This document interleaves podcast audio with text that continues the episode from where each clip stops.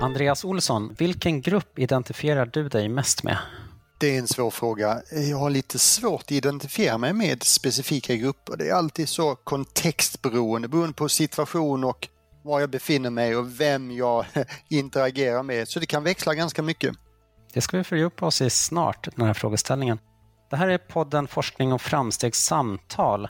Och jag heter Jonas Mattsson och är chefredaktör för Forskning och framsteg. Med mig idag har jag Andreas Olsson, professor i psykologi vid Karolinska institutet. Och där leder han en forskargrupp med fokus på emotionell inlärning i sociala sammanhang. Och Andreas, du har också skrivit boken Gruppens grepp tillsammans med Mikael Klintman och Thomas Lunderqvist för några år sedan. Den finns utgiven på Natur och kultur. Välkommen Andreas. Tack. Om en stund ska vi lyssna på en inläst version av din artikel Människan söker sin flock om hur vi delar in människor i grupper i vi och dem. Och den här artikeln finns att läsa i Forskning och framsteg nummer 6 2022 och på webben fof.se, fof.se. Men jag tänkte börja med att fråga Andreas, hur kom du in på det här forskningsområdet kring grupper och psykologi? Eh, jo, det, det, är en ganska lång och snårig historia. Jag började studera väldigt enkla inlärningsmekanismer. Och eh, under min eh, forskningstid så började jag hänga lite grann på socialpsykologiska seminarier. Och då insåg jag ganska snabbt att den typen av basal inlärning jag var intresserad av, basal emotionell inlärning, hur vi lär oss tycka illa om eller tycka om saker och ting eller olika stimuli också kunde appliceras på vår sociala miljö. Naturligtvis så blir det mer komplext, att vi har mycket mer information som vi måste bearbeta när vi är i en social miljö. Men i princip så var det samma grundläggande modeller som fungerade. Och på den banan eh, är det sen att jag liksom har försökt förstå vår sociala miljö och emotionella processer i vår sociala miljö på basis av ganska enkla modeller kan man säga. Eh, så det här att vi delar in varandra i vi och dem, det är väldigt grundläggande i att vara människa kan man säga då? Det är väldigt grundläggande. Det är någonting som människor alltid har ägnat sig åt. Eh, och vi delar inte bara in andra människor i grupper utan vi delar in stort sett allting i vår miljö i olika kategorier. Och människor, andra människor är ju inget undantag utan vi gör detta, det är ett sätt för oss att eh, här, ekonomisera med vår, vår kognition, att förstå saker och ting bättre och göra det lite enklare för oss. Och det har också ett starkt överlevnadsvärde att snabbt kategorisera in människor som tillhörande grupper som de som man kan lita på eller de man inte kan lita på. För att ta ett exempel. Ja, för jag tänkte fråga, när jag frågade dig om din gruppidentitet, då värjde du dig lite och det beror på situation och vad avgör vilka vi och de-grupper som är tydligast vid olika tillfällen? Ja, det är en utmärkt fråga och vi vet egentligen inte det fullt ut men det är något som beforskas en hel del. Vi vet om till exempel att vi i svårare tider när det är antingen materiellt torftigare eller vi befinner oss under hot på något sätt så sluter vi oss mer, vi tenderar att sluta oss mer till vår egen grupp. Att söka så att säga, trygghet i den gruppen vi primärt identifierar oss med. Kanske vår allra närmsta, vår familj och våra vänner. Mm. Eh, och i tider som är lite mer eh, generösa och mindre hotfulla, då tenderar vi också att bli lite mer öppna inför andra grupper. Men det varierar väldigt mycket det här beroende på om vi befinner oss, låt säga utomlands i någon miljö, då kan vi känna oss väldigt mycket mer svenska än vi gör om vi befinner oss i vårt eget land, om vi, om vi är svenskar. Kan du säga något om eh, för och nackdelarna av att dela in människor i grupper på det här sättet med ett vi och dem-tänkande? För jag antar ju att det för både gott och ont med sig. Ja, en, en fördel är ju att vi eh, underlättar vår förståelse av omvärlden. Det är en basal fördel. Det har bra funktioner när vi kan dela in människor i olika grupper. Att känna att jag tillhör en specifik grupp det bidrar ju till känslan av samhörighet och mening. Så det har ju väldigt så här, identitetsstärkande effekter. Nackdelen med det här är ju att det kan splittra upp våra lojaliteter och det kan göra att eh, vi får en eh, mer så att säga, tribaliserad miljö där vi faktiskt tänker på andra som motståndare till oss själva. Att vi tänker att det här är ett, eh, vi agerar i liksom ett nollsummespel. Om det går bra för mig så måste det gå bra för någon annan och, och vice versa. Så det finns olika nackdelar med den här typen av eh, indelning såklart. Om man tänker på liksom det offentliga samtalet och debatten i Sverige idag i alla fall, att eh, dela in i grupper i vi och dem, där kan man ju se på olika sidor av det politiska spektrat. Dels i ett rasistiskt tänkande, eh, på ena, liksom, längst ut på ena kanten, och dels i det som man brukar tala om som identitetspolitik på den andra kanten. Hur ser du på det? Ja, det finns dels ett historiskt perspektiv här naturligtvis som man kan ta i beaktande, men det faktum, om vi bortser från historien för ett ögonblick, så det faktum att man delar upp grupper och värdesätter grupper på olika sätt. Det kan ha att göra med att vissa anses ha ett större moraliskt värde eller att vissa är moraliskt mer överlägsna till exempel, eh, så riskerar detta ju att splittra upp samhället. Och det är helt oberoende om de här distinktionerna eh, är gjorda med de allra bästa intentioner. Det vill säga om man ställer grupper mot varandra så är det ju självklart att man då riskerar att öka den här klyftan. Att man ser gruppers samexistens som ett nollsummespel. Det ni har vunnit, det förlorar vi på. Så det finns ett inbyggt problem i detta oavsett vilka intentioner man har. Hur ser du hur man kan använda den forskning som du och dina kollegor bedriver? Hur kan man tillämpa den i samhället för att eh, motverka de kanske negativa sidorna av eh, grupptänkandet? Den typen av forskning vi gör den är ju väldigt grundläggande. Och det, det, betyder att det är sällan enskilda fynd eller upptäckter vi gör kan direkt appliceras på hur vi bygger vårt samhälle för att öka tillit eller minska polarisering på något sätt.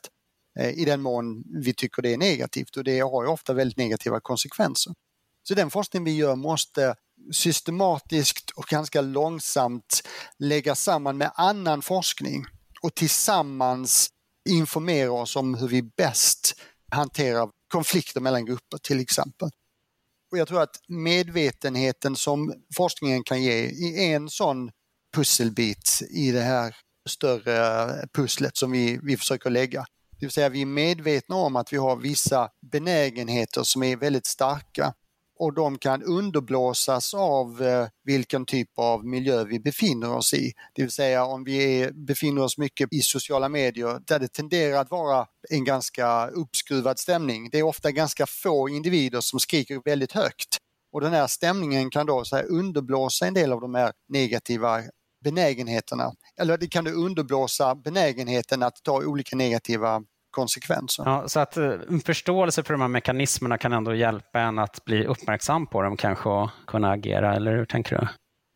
Det är en viktig del. Vi lär oss mer om vårt sätt att agera och vårt sätt att tänka och det, det är väldigt viktigt. Kan du beskriva hur du och dina kollegor forskar rent konkret om de här sakerna?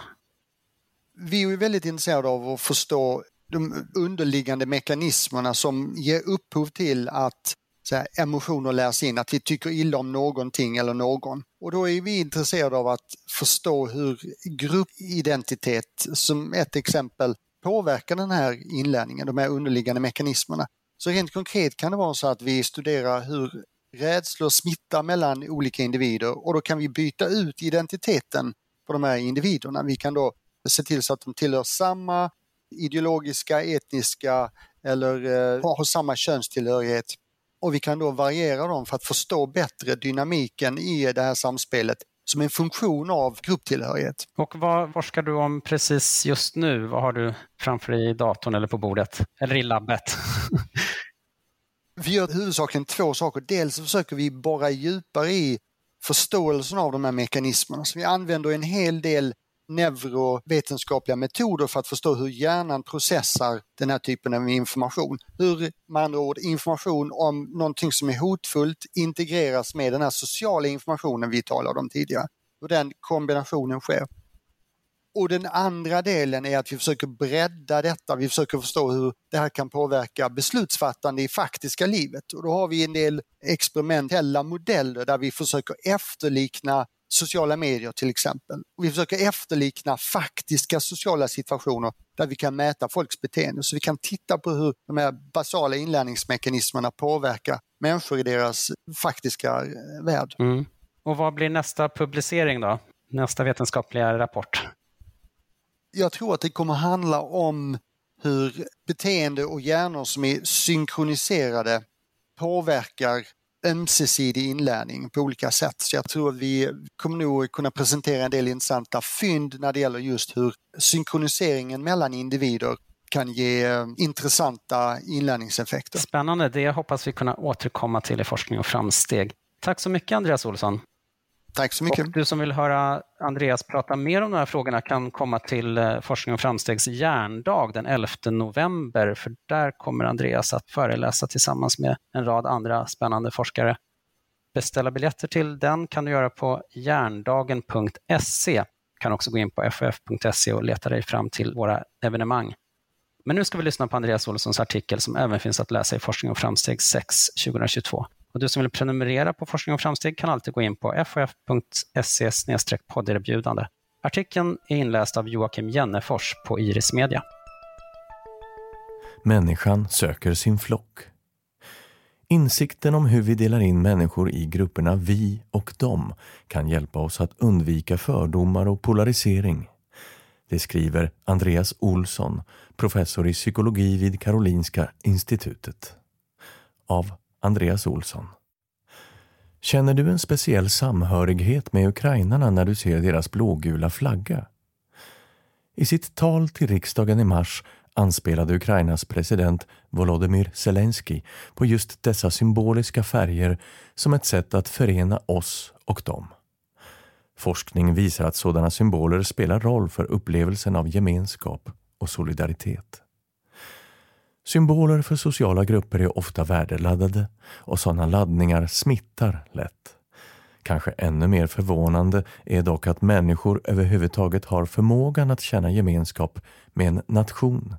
En abstraktion som förenar ett stort antal människor som aldrig har träffats och kanske inte har mycket mer gemensamt än just nationen. Denna sociala förmåga skapar tillit och solidaritet med okända människor som inte är släkt. Den är unikt mänsklig och avgörande för vår civilisation som vi känner den. Och den kan göra människor beredda att riskera livet för sitt land. Vad är då den biologiska grunden till denna förmåga som både möjliggör och begränsar att vi kan skapa och upprätthålla grupper från familjer, klaner till nationer och vilken roll spelar den när vi navigerar i en social miljö som tycks allt mer splittrad och som är fylld av värdeladdade gruppmarkörer? Flaggor, lökkupolerna på kefirförpackningen och religiösa symboler. Människans besatthet av sociala grupper, våra egna, andras, vilka grupper som är bra eller dåliga, är knappast förvånande givet det evolutionära tryck som straffat dem som inte kunnat eller fått vara med i gruppen. Utan grupp, inget skydd, ingen föda, inga vänner eller partner. Utan andra människor och den kunskap de bidrar med så står vi oss slätt i de flesta situationer. De allra flesta skulle inte, trots en universitetsexamen, överleva många dagar i naturen utan andras hjälp och ännu kortare utan några verktyg som utvecklats i vår gemensamma kultur. Därför menar många forskare att våra hjärnor är genetiskt programmerade att bearbeta social information på ett sätt som skiljer sig från andra ting i vår värld. Stöd för detta kommer både från studier över artgränserna och undersökningar av hur barns, tonåringars och vuxnas hjärnor aktiveras i sociala situationer. Mycket små inbyggda preferenser att uppmärksamma social information på bekostnad av annat hos spädbarnet räcker för att med hjälp av inlärning under socialisering skapa en hypersocial hjärna. Inte heller andra sociala djur överlever länge utan sin grupp. Det är ett beroende som medfört att individen har en preferens för den omgivande gruppen, vilken oftast är genetiskt relaterad.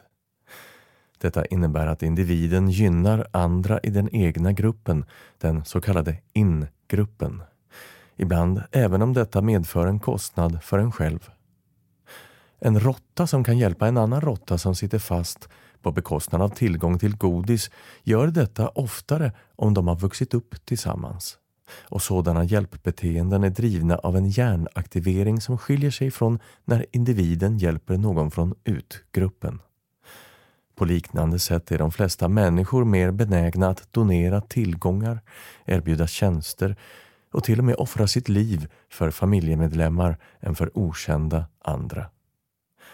Hjärnavbildningsstudier visar också hur hjärnan bearbetar information om individer i ingruppen annorlunda än andra. Människor vi identifierar oss med engagerar till exempel neurala nätverk i hjärnan kopplade till vår bild av oss själva och personliga emotioner i större utsträckning. När vi observerar någon från den egna gruppen uttrycka smärta skapar detta starkare minnen än om personen är från en annan grupp. Dessa och andra liknande observationer kan bidra med ledtrådar till varför många europeer tycks mer benägna att hjälpa flyktingar från Ukraina jämfört med de som flydde under kriget i Syrien. Som regel känner vi mer sympati för människor som är kulturellt och fysiskt lika oss själva.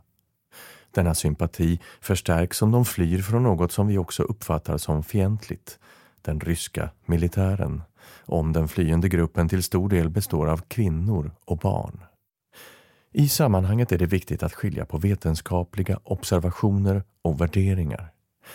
Som filosofer argumenterat under århundraden så leder ett faktapåstående till exempel att människor har en biologiskt betingad benägenhet att känna mer empati för människor de identifierar sig med, inte till några moraliska slutsatser.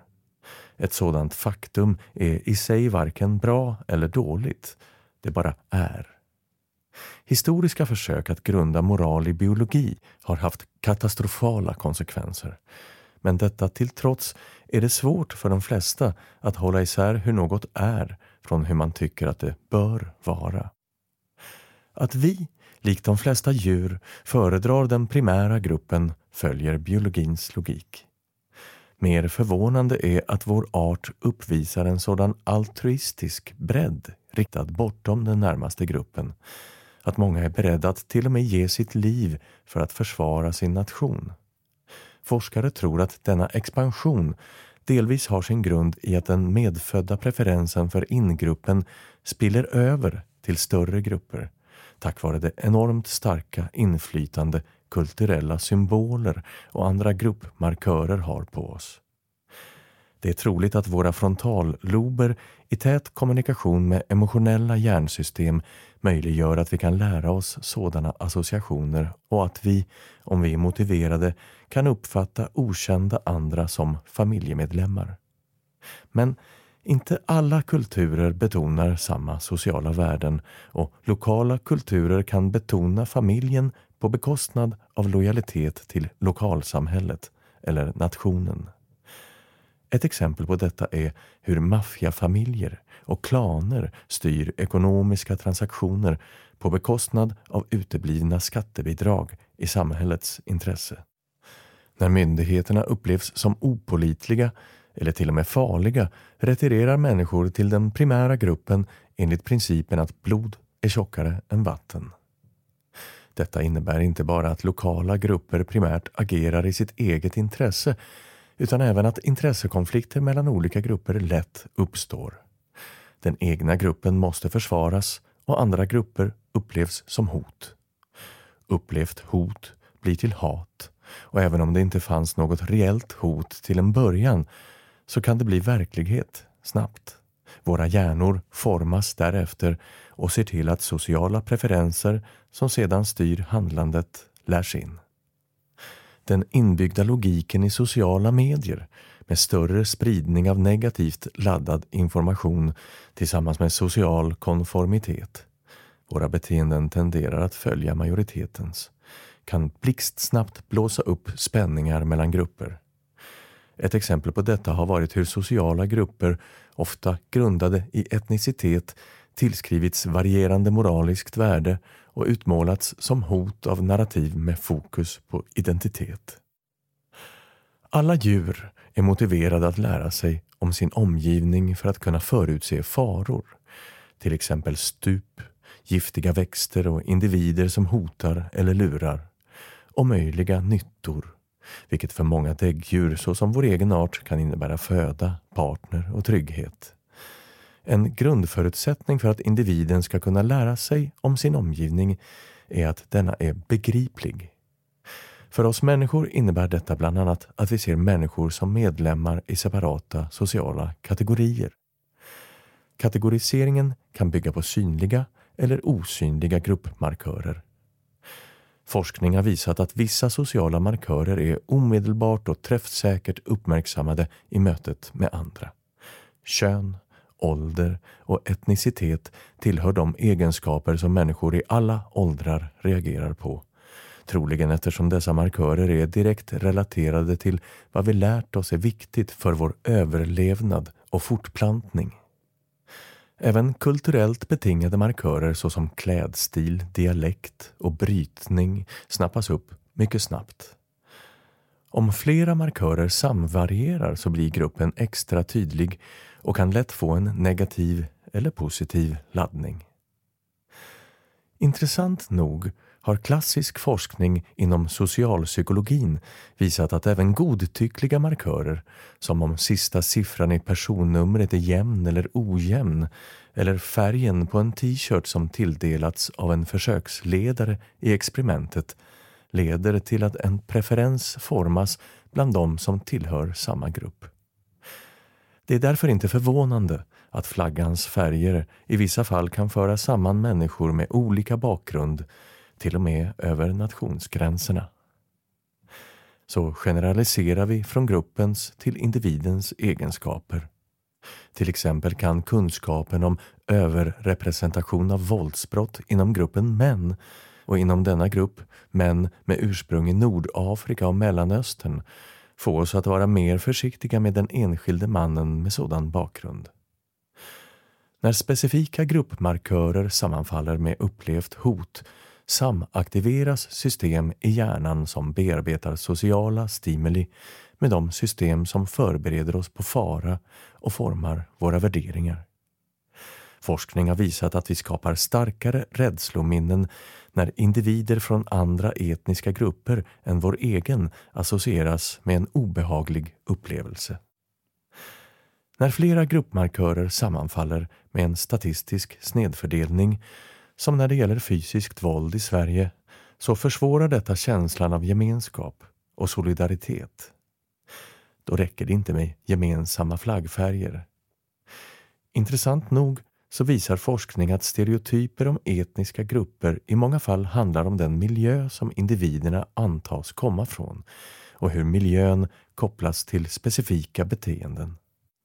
Information om att en person kommer från en trygg eller brottsbelastad miljö kan då väga tyngre än personens etnicitet.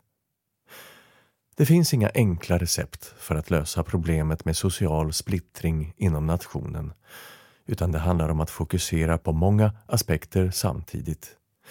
Från snedfördelningar i möjligheter till arbete och utbildning till främjande av värderingar som gynnar större grupperingar bortom familjen och kulturella särintressen redan i tidig ålder.